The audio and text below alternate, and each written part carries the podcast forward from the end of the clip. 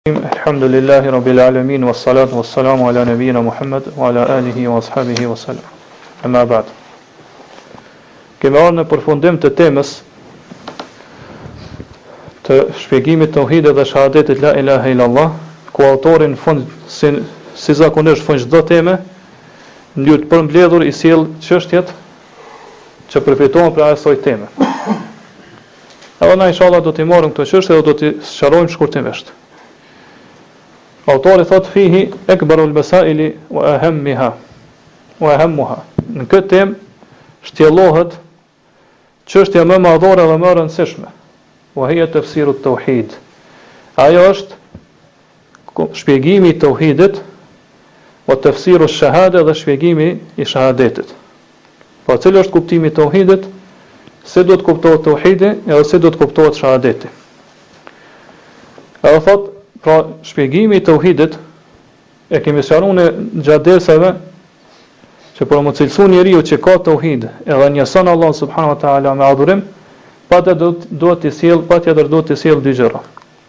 E para është me mohu adhurimin e çdo kujt tjetër, pra çdo adhurim që i kushtohet dikujt tjetër përveç Allahut, ti duhet ta mohosh atë.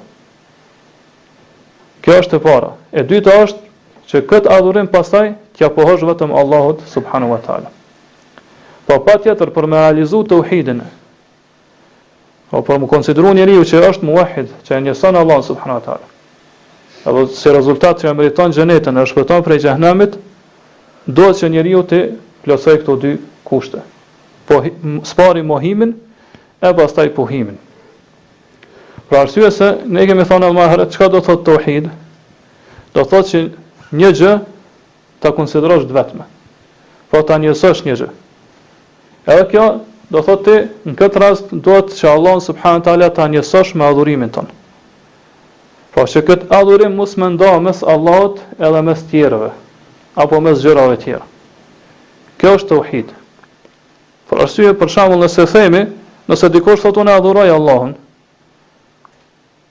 Kjo nuk llogaritet tauhid.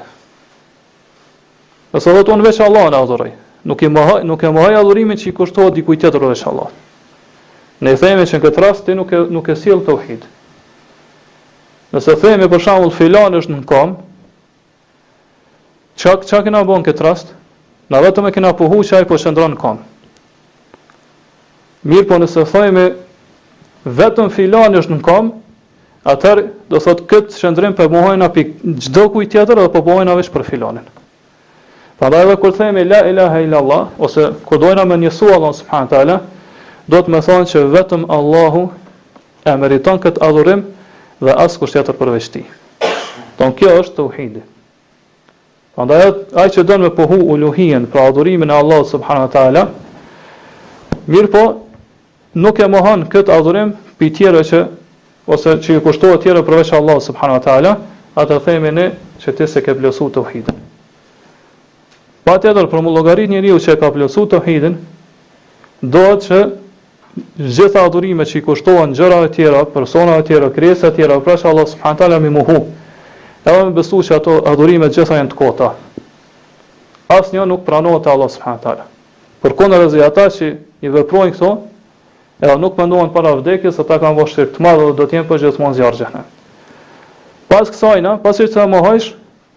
Që ta mohosh, duhet ta pohosh këtë adhurim vetëm për Allahun subhanahu wa taala. Pra gjitha ato adhurime që i kushtohen dikujt tjetër përveç Allahut, i meriton vetëm Allahu dhe askush tjetër përveç Tij. Kjo pra është shpjegimi i tauhidit. Pastaj vjen shpjegimi i shahadetit. Pra çka është shahadeti? Kemi thënë më herët shahadeti është që ti me shpall diçka me gjuhën tënde,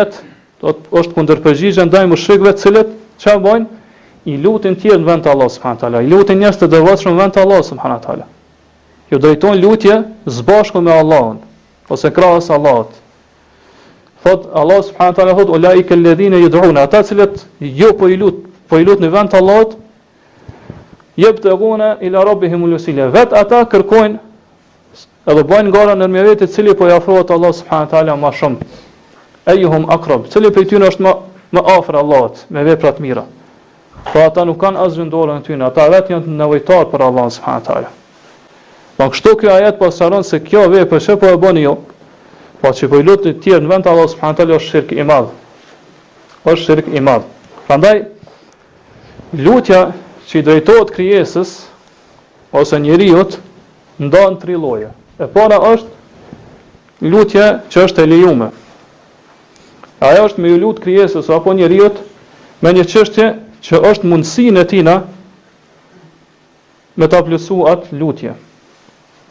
Edhe duhet këto çështje me kanë në gjërat e njohura edhe që preken pi shqisave, ose që perceptohen me shqisat tona. Pra, kjo nuk është prej lutjes të adhurimit. Për shembull, pejgamberi sa asam në një hadith, e tregon se pi drejtave të muslimanit, që ka ndaj muslimanit tjetër që duhet me i plotësu është, thotë, wa idha da'ake fa ajibhë, nëse ai të thërret ty, pra të thërret në nej, në darsëm, në mexhlis, në takim e kështu me radhë, atër ti përgjigju atina. Po këtu është përdorë lutja, nëse ai të lutë ty, të lutem eja, ose të thërret në, në të nej, atër thotë ti përgjigju atina. Po kjo është prej gjërave të lejume. Përkundrazi është prej gjërave obligative që muslimani duhet me i plotësu, është prej drejtave që muslimanët e kanë ndaj një ndaj njëri tjetrit dhe kanë obligim me i plotësu ato. Lloji i dytë është me me lut krijesën njeriun në mënyrë të pakufizuar. Po pavarësisht a ka mundësi ai me me t'i plotësu ato kërkesa, ato lutje apo jo, ti me lut ato, në mënyrë të përgjithshme pa kufizuar. Kjo është, po edhe pavarësisht është i gjallë apo i vdekur ai. Pavarësisht a ka mundësi me ta plotësu apo është prej gjërave që nuk ka mundësi me me i përmbush përveç Allahut subhana wa ta'ala. Kjo është shirk i madh. Për arsye se ai si i lutet krijesës në këtë formë, ai e ka ba të barabartë atë krijesë me Allahun subhana wa ta'ala. Pra kur ti i lutesh krijesës, krijesës për gjëra të cilat nuk janë kompetencat e saj, mirëpo janë domethënë çështje që vetëm Allahu subhanahu teala ka mundësi me i vepru edhe ato nevoja vetëm ai ka mundësi me t'i plotësu ty, atër kjo është prej shirkut të madh që nxjerr njeriun prej islamit. Për shembull, me i thon o filan, më jep fëmijë. Ka njerëz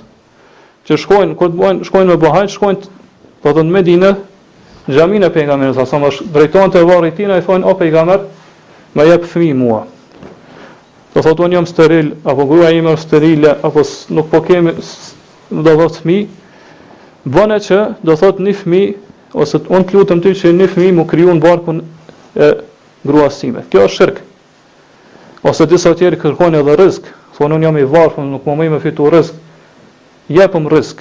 Don kjo është prej shirkut të madh që njeriun e nxjerr prej Islamit, edhe ot është shirku i njëjtë që e kanë bë mushrikët e Mekës, kur ju kanë lut ju kanë lut idhujve në vend të Allahut subhana teala. Edhe lloji i tretë është me ju lut krijesës pra njeriut i cili është i vdekur. Mirëpo, i cili nuk ka mundësi me t'u përgjigj ty për disa gjëra që, do thotë, janë gjëra të cilat shqisat tona nuk munden me i perceptu ato. Edhe kjo do thotë gjithashtu është shirk i madh. Pra i vdekuri nuk ka mundësi me dëgju lutjen tënde. Pse do thotë ai lutja jote nuk mrrin deri te dëgjimi i tina. Ai nuk i dëgjon lutjet e gjallëve. apo nuk të sheh ty fare e kështu me radhë. Pra me lut ni të vdekur përmes mjeteve, përmes rrugëve që shqisat tona nuk i perceptojnë. Pra ai që vepron kështu, edhe ai ka bërë shirk të madh. Pse? Për arsye se ai i cili e vepron këtë gjë, pra e lut vdekurin në këtë formë, ai e bën këtë prej besimit që e ka se ai i vdekuri Ka mundësi, do thotë, me pas efekt, ndikim, në këtë kozmos. Ka mundësi me pas efekt apo ndikim në drejtimin edhe udhëheqjen e këtij kozmosi dhe universi. Prandaj ka njerëz që e besojnë këtë. Shkojnë te një i vdekur edhe i luten atij, edhe i thonë am am fëmijë apo am rrizk apo do thotë lutje të ndryshme.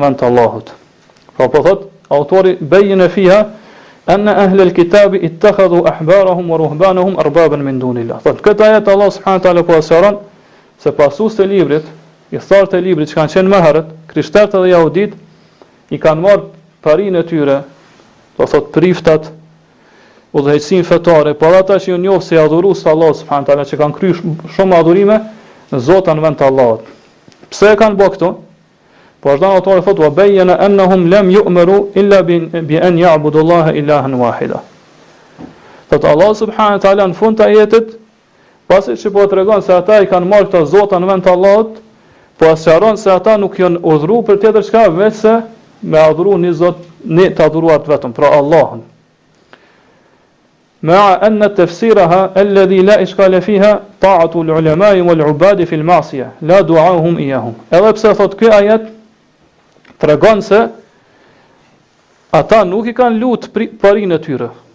Pra nuk ju kanë drejtuar atyne me lutje dhe me adhurime. Mirëpo çka kanë bërë? Ju kanë bind atyne në mëkate. Pra kur ata e kanë bërë halal një çështje që Allah ka bërë haram. Apo e kanë bërë haram një çështje që Allah subhanahu taala ka bërë halal. Edhe këta ju kanë bind kët. Do thotë autori këtu po tregon se kjo është shirk në bindje. Edhe ai që vepron kështu,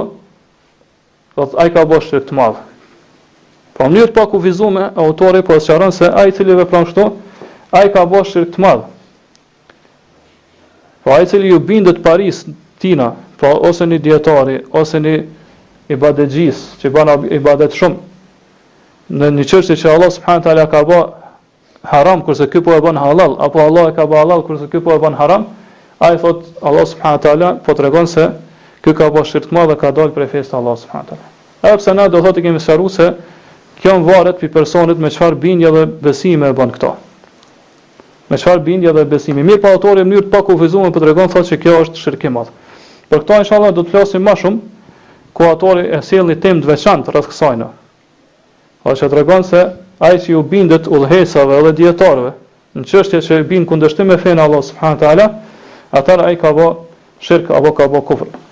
Pra, autori këtu po sqaron se kjo çështje është prej çështjeve që e plotësojnë rububien e Allahut, pra që e plotësojnë zotrimin e Allahut subhanahu teala. Që vetëm Allah është Zot edhe udhëheqës, krijues i kësaj gjithësie.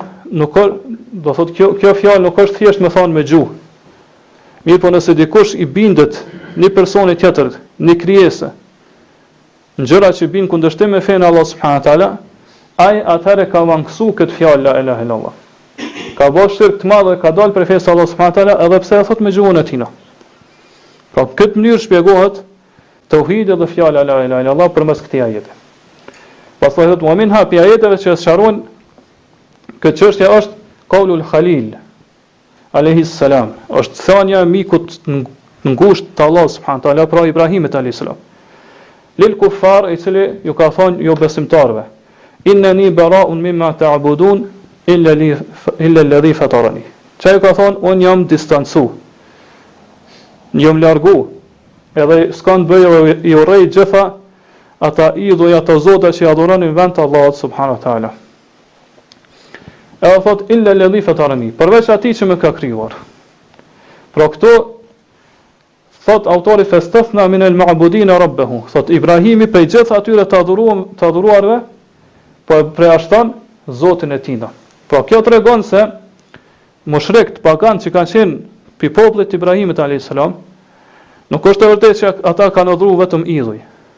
apo planete, diellin, hënën e kështu me radhë. Sepse ata i kanë adhuruar edhe këto gjëra. Mirëpo ata e kanë adhuruar Allahun, edhe së bashku me Allahun kanë adhuruar edhe gjëra tjera. Prandaj nuk është njeriu nuk llogaritet që është musliman, edhe besimtar, edhe që ka me hi në xhenet, edhe ka me shpëtu prej xhehnemit, nëse e njeh, e njeh Allahun si Zot, madje edhe nëse ja kushton një pjesë të adhurimit atina. Nëse atë adhurim e përzin me tjerë, pra e ndan edhe me krijesa tjera, pra e ndan edhe, e ndan edhe me adhuru, me të adhuruar tjerë, pra idhuj, apo planete, apo njerëz të devotshëm, pejgamber, melaqe e kështu me radhë. Pra Ibrahimi alayhis salam po i përjashton gjithë ata të adhuruar, thotë unë jam distancu prej gjithëve, Të adhuruar që po i adhurojnë prej popullit të tij. Edhe po pohon, mirëpo, po thotë po përjashton vetëm Allahun. Thotë vetëm prej Allahut nuk distancohena. Po kjo e shpjegon shumë mirë fjalën la ilahe ila Allah, që do thotë nuk ka të adhuruar me të drejtë përveç Allahut. Pra shumë mirë e sqaron kjo tauhidin, edhe ajo që thamë më herët se tauhidi duhet t'i ketë dy kushte, mohimin edhe pohimin. Pra të distan të distancohesh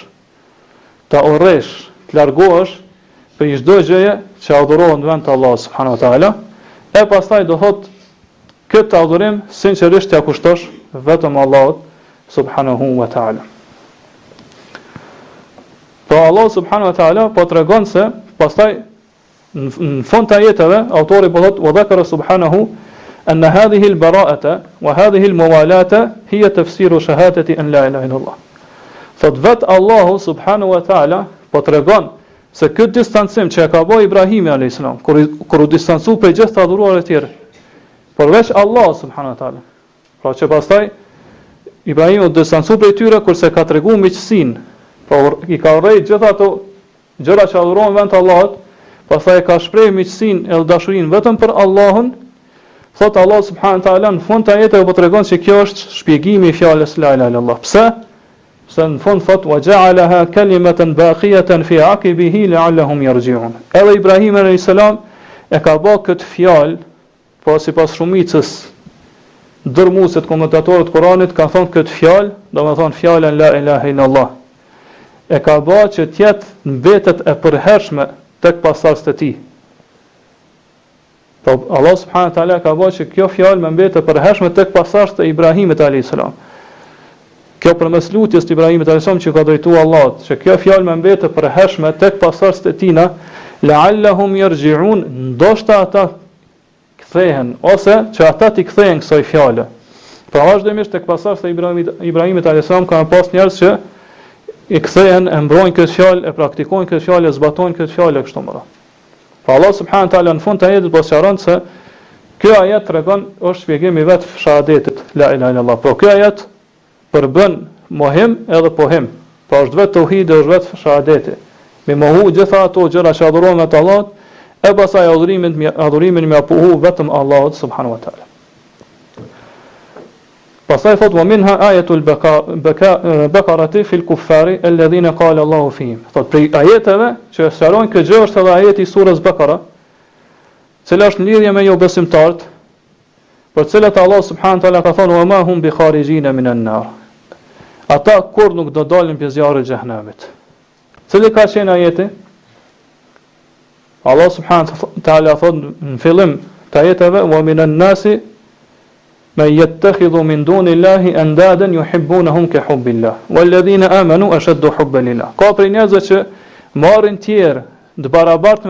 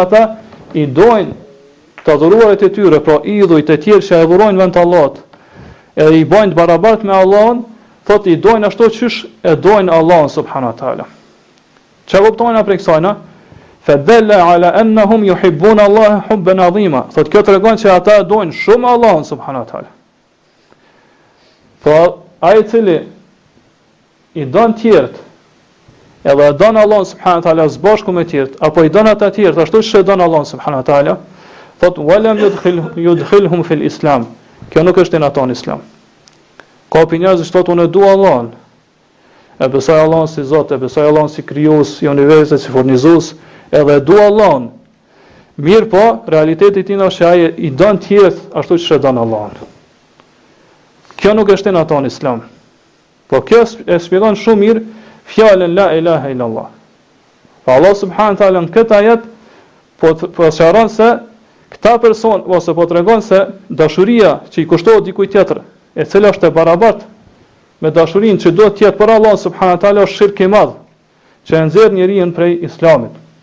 Pra është shirk i madh që e nxjerr njeriu prej Islamit. Për këtë arsye gjithë dashuria duhet të jetë e sinqertë, e pastër vetëm për Allahun subhanahu wa taala. Mos me nda këtë dashuri me të tjerë, me krijesa të tjera, mirëpo të jetë vetëm për Allahun subhanahu wa taala. Saqë edhe dashuria për pejgamberin sallallahu alaihi wasallam, pse pse e dojna pejgamberin sallallahu alaihi wasallam? Për arsye se ka qenë i dërguar i Allahut subhanahu wa taala. Pra dashuria ndaj tij është në varësi me dashurinë ndaj ndaj Allahut subhanahu wa taala. Pse është i dërguari i Allahut na e dojna atë. Prandaj mos të kish qenë i dërguari i Allahut subhanahu wa taala, ne e kishim dashur atë qysh i dojna të tjerët prej besimtarëve. Mirpo për shkak se është i, i, i dërguari i Allahut, atë ne e kemi obligim ju bind atina. Në atë çka na çka na ka urdhnu dhe në atë çka na ka ndalu, ju bind pejgamberit sa sa edhe me dashtë. Më shumë se që i dojna besimtarët tjerë apo veten tonë, mirëpo jo me dashtë më shumë se Allahun. Pra dashuria e vetme që duhet t'i kushtohet e pastër e sinqertë duhet të jetë vetëm për Allahun subhanahu wa taala. Edhe siç kemi sqaruar edhe më herët që kjo nuk e ndalon njeriun që mi dashtë tjerët, për shembull me dashtë fëmijën e tij, prindin e tij, gruan e tij. Kështu me radhë, kjo gjë është e lejuar. Mirëpo nuk duhet kjo të jetë kjo dashuri të jetë e barabartë me dashurinë me Allahun subhanahu wa taala.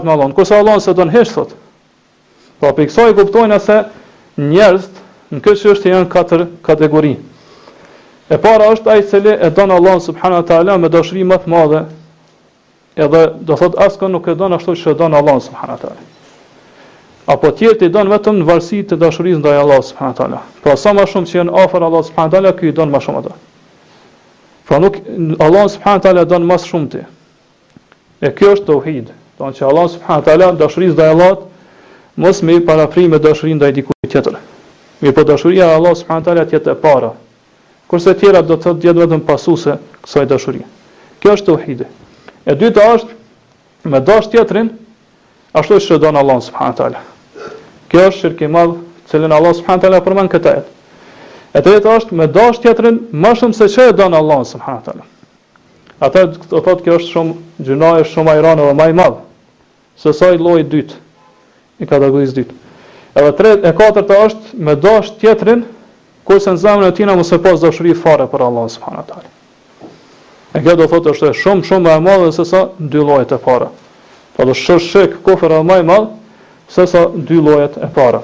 Pra dashuria ka shkaqe, ka arsye, edhe ka pasoja.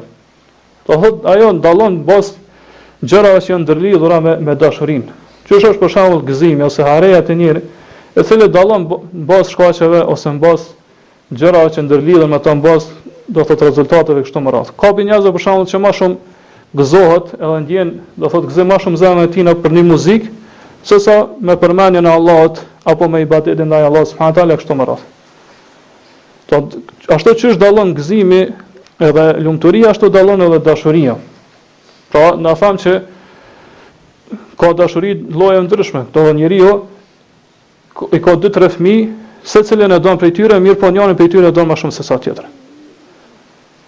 Do të vetë dashuria dallon po mbas shkakut edhe mbas do thotë gjërave që ndërlidhen me to.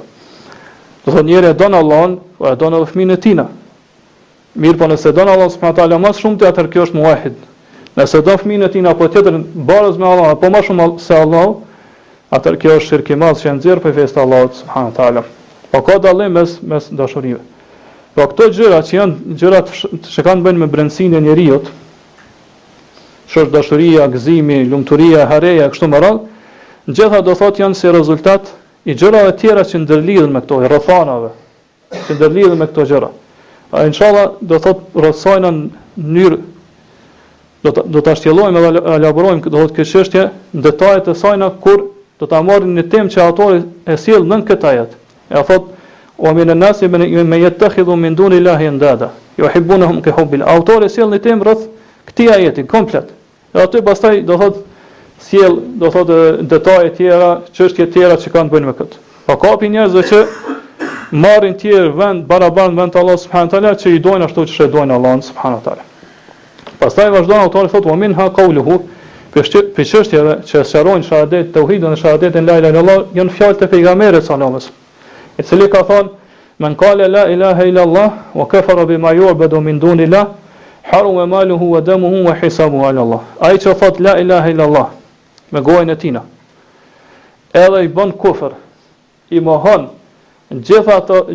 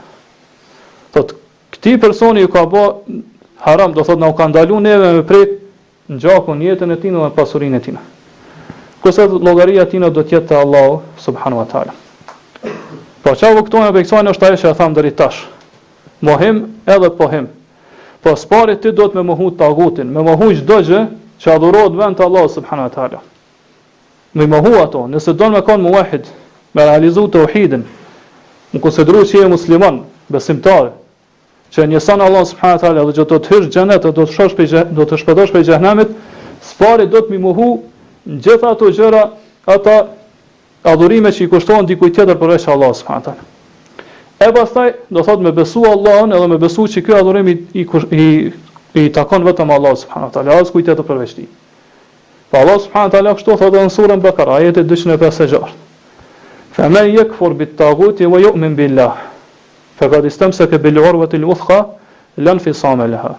Allahu së pari e sjell mohimin, jo pohimin. Thotë, ai i cili e mohon taghutin, e pastaj e pohon, e beson Allahun. Ky është kapë, do thotë, për lidhjen më të fortë që nuk shkëputet kurrë. Pra, ky ka hyrë në Islam. Edhe nëse kapet pas pas asaj lidhje, atër kjo do ta dërgoj direkt te Allahu dhe në xhenetin e tij. Do ta dërgoj te xheneti i tij. Pra kjo është fjala la ilaha illallah, s'pari vjen mohimi pastaj pohimi. La ilaha nuk ka të adhuruar me të drejtë, pastaj vjen pohimi illallah, përveç Allahut. Kjo është shpjegimi dhe kuptimi i fjalës la ilaha illallah.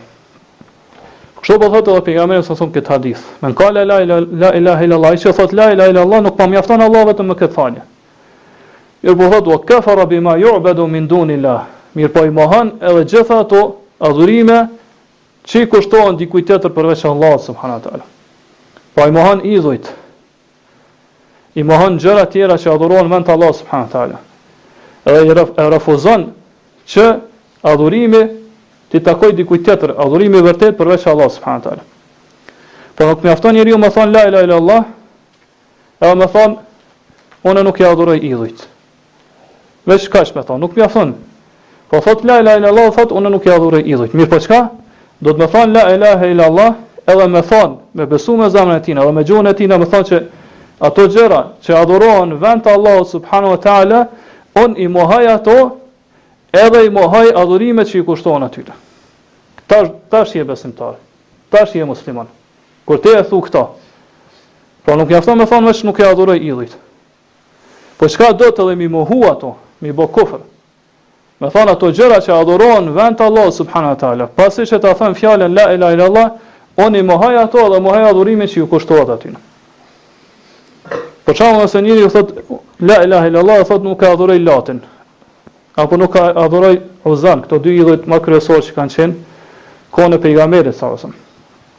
Ne i themi që kjo nuk mjafton. Patjetër duhet me thonë që këta idhuj, adhurimi që ju kushtohet atyre nuk është hak, nuk është i vërtetë. Nuk e meritojnë ata këtë adhurim. Përndryshe, nëse nuk e beson këto, edhe nëse nuk e thu me gjuhën tane, ti po e pohon edhe po e miraton kufrin.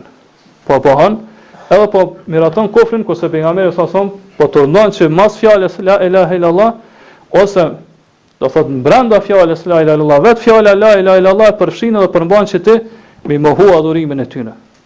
Pra me besu me zemrën tane dhe me thonë me gjuhën tane që ata nuk e meritojnë këtë adhurim. Ky adhurim që i kushtohet atyne është i rrejshëm, nuk është i vërtet.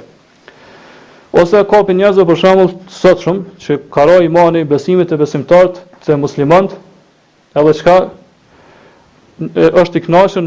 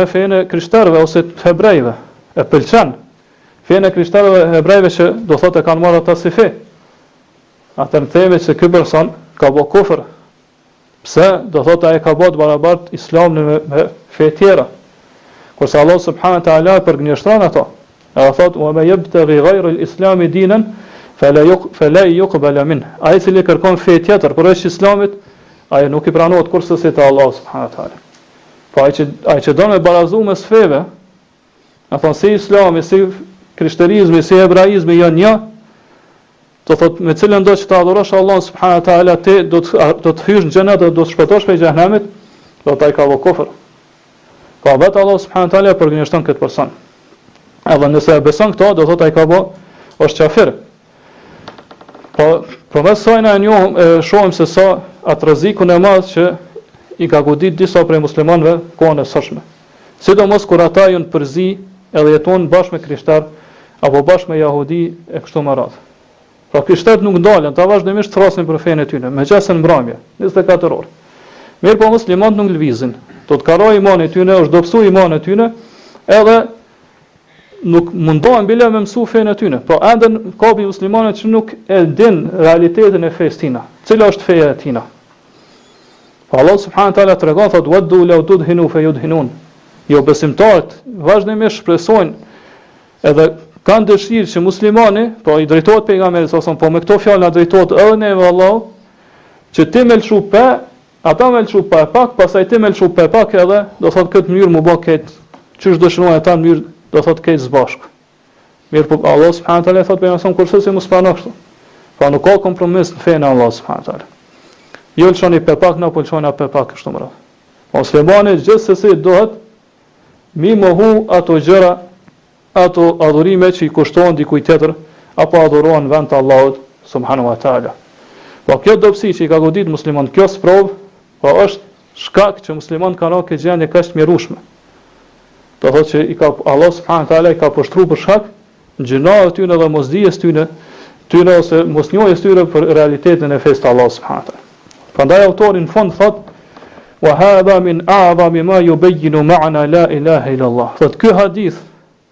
është pi teksteve më madhore që e shpjegon edhe sqaron kuptimin e fjalës la ilahe illallah. Pse kështu? Po nuk ka hadith që do thotë të sqaron fjalën la ilahe illallah më mirë se sa ky, edhe pse i ka fjalë të shkurta. Ai që thotë la ilahe illallah edhe i mohon ato gjëra që adhurohen vend të Allahut subhanahu wa taala. Kështu po thotë pejgamberi.